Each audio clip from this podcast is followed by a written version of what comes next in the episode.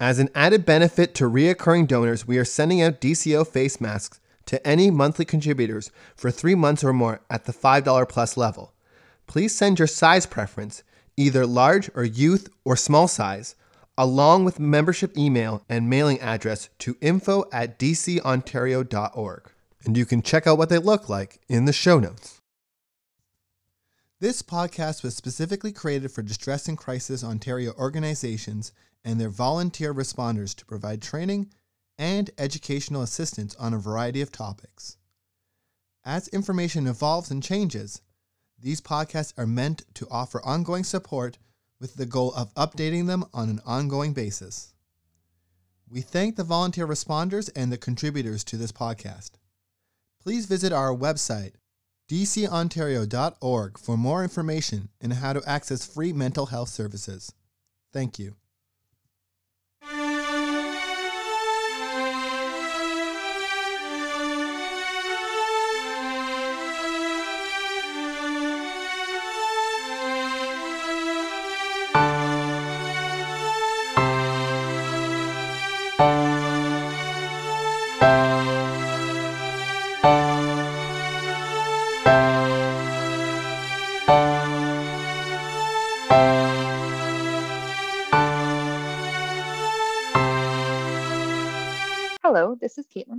Program Manager for Distress and Crisis Ontario, and this week I am joined by my Executive Director, Nita Gear, as we spend some time this month focusing on Distress and Crisis Ontario, who we are, what we do, and what we can offer you.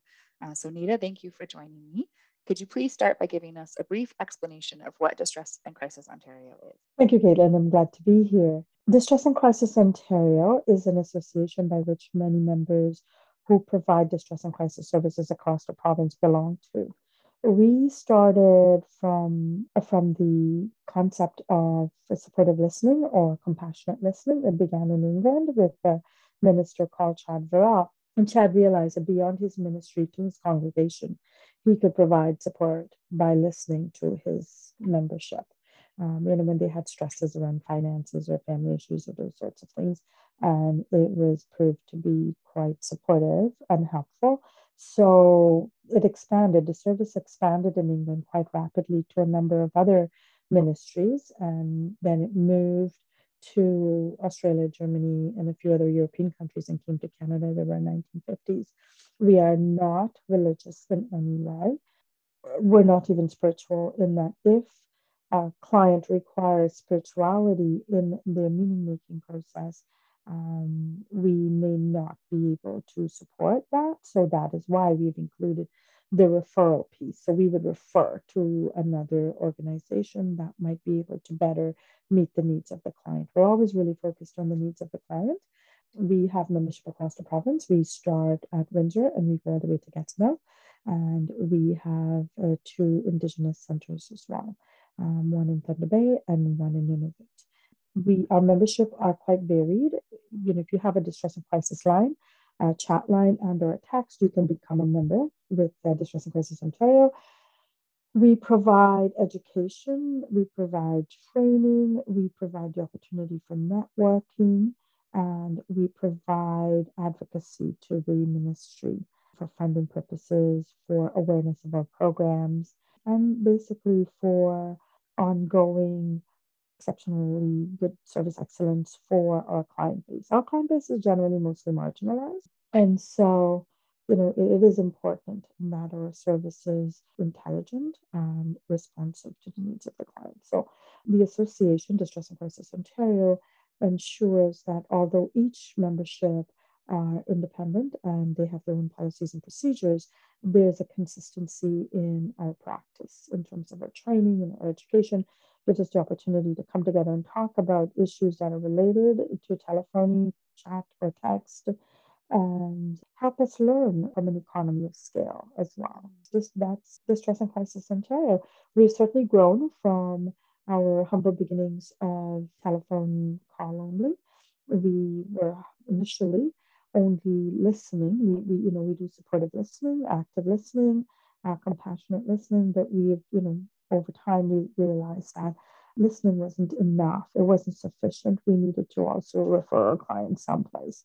We also needed to ensure that some of the clients who were calling in crisis had the resources and support that they required. So we then moved into the space providing compassionate active listening as well as referrals when needed and crisis support when needed. Mm-hmm. Awesome. So you've already touched on my next question a little bit, but what are some of the services and benefits that we offer to our members?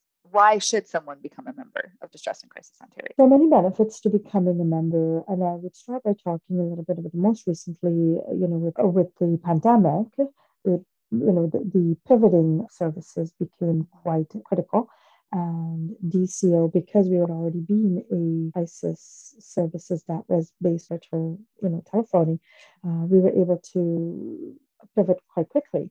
What that taught us was that a people didn't know that we existed. You know, we have uh, when we look we when we look at how many calls our member organizations have, I would say the numbers that we know for sure is at least over 300,000 calls a, a, um, a year.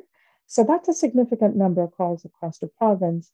However, we can't be so sure because we don't collect data from all of our centers. We only collect from a select number of our centers. So we are in the process of improving you know, our data collection. But basically, what we learned was that people didn't know that we existed, including large bodies of funding organizations. And so part of the role of Distress and Crisis Center is to advocate for the sector, for the sector that is crisis management, that is supportive active listening, we also provide standardized training for all of our member organizations because our member organizations, some of them are larger and some of them are smaller. The larger ones certainly afford to engage in their own training and, and advocacy and all of those sorts of things. However, smaller ones, they are on such shoestring budgets because they're not funded by the ministry, they're funded by local uh, United Way funding, and that can be quite um, erratic funding depending on how much money they're able to raise. So by having an association, it, it, it, creates an even playing field in that we provide training for the larger centers and the smaller centers consistently, so everybody you know are able to access training, education. Each member organizations, as I mentioned before, they're independent. They have their own policies and procedures. However, there are some things where we have a, a common interest, and so we try to come together and raise our voices together in order to highlight those common interests that affects all of us. We also try to support each other in that, you know, so for example, a telephone system, and if someone is, is interested in a telephone system, they have access to their colleagues within the association to say, you know, so what are you using? You know, what are the benefits, what are the challenges, so that you don't have to go to market for everything you want. So it's economy of scale pretty much. The networking opportunities incredible in that we're able to share because we go across the province we have such a variety of context for the work we do such a variety of complexities in terms of the, the sector that we serve so for example you know we have a sector that work with adults and disabilities we have a couple of our memberships are located in university settings we have one that's a downtown mission we have a couple of Indigenous membership in remote communities. We have a Francophone membership and a, a number of different other types. So, my point is that the variety really lends to our expertise because we can learn from each other. So, networking is usually a, a pretty robust and enjoyable, valued service for being a member. Yeah. We're Are able to provide We're, as much as we can. Yes. small um, but mighty. Small but yeah. mighty. So, in all of that, uh, what does DCO do that makes us unique from other agents? I think the economy of scale is very much alike what other uh, um, associations do. So, for example, the Canadian Mental Health Association, you know, pretty much um, they would provide to their membership a similar service of economy advocacy. They don't provide training though. I mean, they have a conference once a year our training is a much more targeted, specific training because we're small enough. Um, we have that hands-on feel with our membership.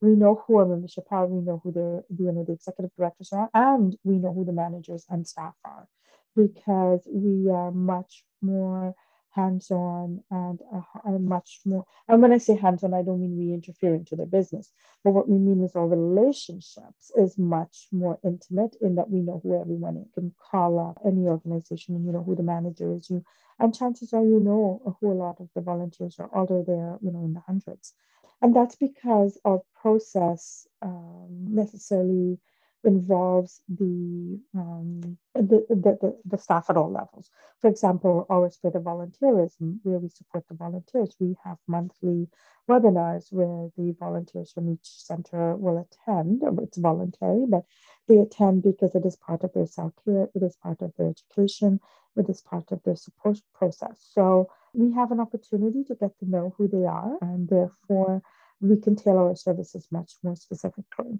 So, you know, while there's some disadvantages definitely for being smaller, we don't have the same budget, and, but we certainly have the ability to meet the needs, to be nimble enough to meet the needs of our membership in all areas. We are, are building good relationships with our members. There's definitely faces to the name of the DCO organization. Yes, yes, there's definitely that sense of knowing who each one is. And being glad when they're here. You know, when we get together for meetings, whether it's virtual or in person, you know, we ask questions, you know, how is your mom or your kid or, you know, your dog? Mm-hmm. We're always happy to see them and I'm happy that they're here. So, in order to come on and have this interaction with us as an agency and and become a member, are there any requirements that an organization needs to have to do so? We try to be accessible. It's it's a it's a real core value of ours because, you know, as I mentioned earlier, a lot of our clientele are marginalized individuals. We're a free service, um, and so um, because we service the marginalized uh, population more so than not that we're specifically only for, but because more so. Um, you know, the, the idea of accessibility trails through all of our practices. It is a value that we live. And so, in light of that, membership is based on income um, for the organization so that the ones who receive more funding um, pay a little bit more, and the one who receives less pay a little bit less. And then there is an equality of serving of service. We are funded by the Ministry of Long Term Care, um, Ministry of Health and Long Term Care, um, for our operations. And then we collect a very, very small fee from our membership based on their annual funding. It is not based on their entire annual funding because, for example, we have some multi service organizations. So their funding is based on, you know, it's millions of dollars sometimes. We have an association that's part of a hospital, we have a couple of CMHAs and so they have large budgets, but it has their large budgets have very little to do with our telephone distress crisis line. So basically, their membership is based only on their crisis line. So whatever the you know whatever funding piece they have for the crisis line, and there's three tiers that they will fall under the under five hundred dollars, and then the five hundred to seven hundred and fifty dollars, and then the slightly over a thousand dollar membership fee they have to be, you know, the work that they do has to be in alignment with our values and, and pretty much, you know, no hate speech, no marginalization of their clients, that sort of thing, um, because it does not fit with our values or with our mission and vision. So I haven't in my years with the DCO ran into anyone that we've had to say no to we actually do like the variety of um, different sectors. You know, so we have the 2S LGBTQ youth line. We have um, specialized services that I've mentioned earlier. You know, um, like downtown mission and you know francophone services, that sort of thing. One of the larger organizations in Ottawa has quite a bit of variety of services. So there is certainly attention, specifically attention to diversity of membership, but we don't necessarily exclude anyone other than if it's not a fit based on their value system. Um, we really are very welcoming, welcome anyone who thinks that they can benefit from being a part of a group, being part of a system, in that they can learn, they can benefit from that, from our advocacy, and you know they can benefit from the networking that comes with being with others who are working in the sector who are experiencing the same things such as you know i remember last fall because of an increased number of calls, there was necessarily an increased number of harassing calls that the membership was receiving. So that was a really good webinar where the members can come together and share their feelings, their thoughts around, you know, why we want to support our community. These harassing calls are very difficult for for the volunteers, and so that was good. So there, there you know, there's those sorts of value that people want to participate and to become part of part of the distress and crisis movement. Mm-hmm. Yeah. So basically, as long as you operate a phone, text, or chat helpline, you qualify. you qualify. Generally, most of our services are based on volunteerism. Mm-hmm. You know, we're trained, very highly skilled, well trained volunteers. We have a few that are paid service, but not a lot. So, before we go today, is there anything else that you would like to share that we haven't already covered about Distress and Crisis Ontario? Well, yes. Um, the fact that I feel so strongly about the service we provide. Mm. Um, I'm passionate about the work we do. Our service is free. So anyone who's listening to this podcast, I think some of the takeaways that I would I think is key is that we're available 24-7 anywhere across the province. on, although we're geographically um, funded and located, you know, you can pick up the phone and call from anywhere. Um, and somebody will answer and they will not turn you away to say, you know, well, okay, you're from Brampton, you can call Ottawa. Um, they will take your call we don't have wait lines. Um, you know, our, our wait times for getting someone on a call is next to nothing. Um, when we do our yearly data collection, we think it's a, um, you know, the data that we're collecting illustrates that it's less than four minutes if we ever have one. No one has ever waited more than four minutes. So that's pretty significant, I think for someone who is in distress and who would like support. We not only have the telephone calls uh, 24 7, we also have a talk and text uh, from 2 o'clock to 2 p.m., 2 p.m. in the afternoon to 2 a.m. in the morning. And that's uh, number 258 258. You can text or chat from any place. If you visit our website, dcontario.org, we have a lot of information there in terms of who we are, what do we do, who our membership, how to get a hold of them. Um, we also have our newsletters on there. We have a lot of um, self help information that could be of use. So I'm hoping that anybody that is listening to this will not only understand who we are, but also find some benefit in, in, coming in contact with us. We are, although we are about meaning making and, and de-escalation of stresses and and crisis, we're also about supporting individuals. So, you know, you don't have to be in active crisis to connect with us. You know, you could just be needing someone to listen for the moment or for a longer period of time. So, I mean, I think about 30% of the people who connect with distress and crisis across the province are repeat callers. So if there is a need, please reach out. I think that's the message I want to share more so than anything is if you are listening to this podcast, you need support, please reach out. If the person you reach out to is not the appropriate person, they will ensure that you get to the right space. And I want to say thank you for listening. Thank you very much, Nita. You're welcome. Thank you for having me. Hi, I'm Damien, one of the editors of the DCO Learning Forums podcast.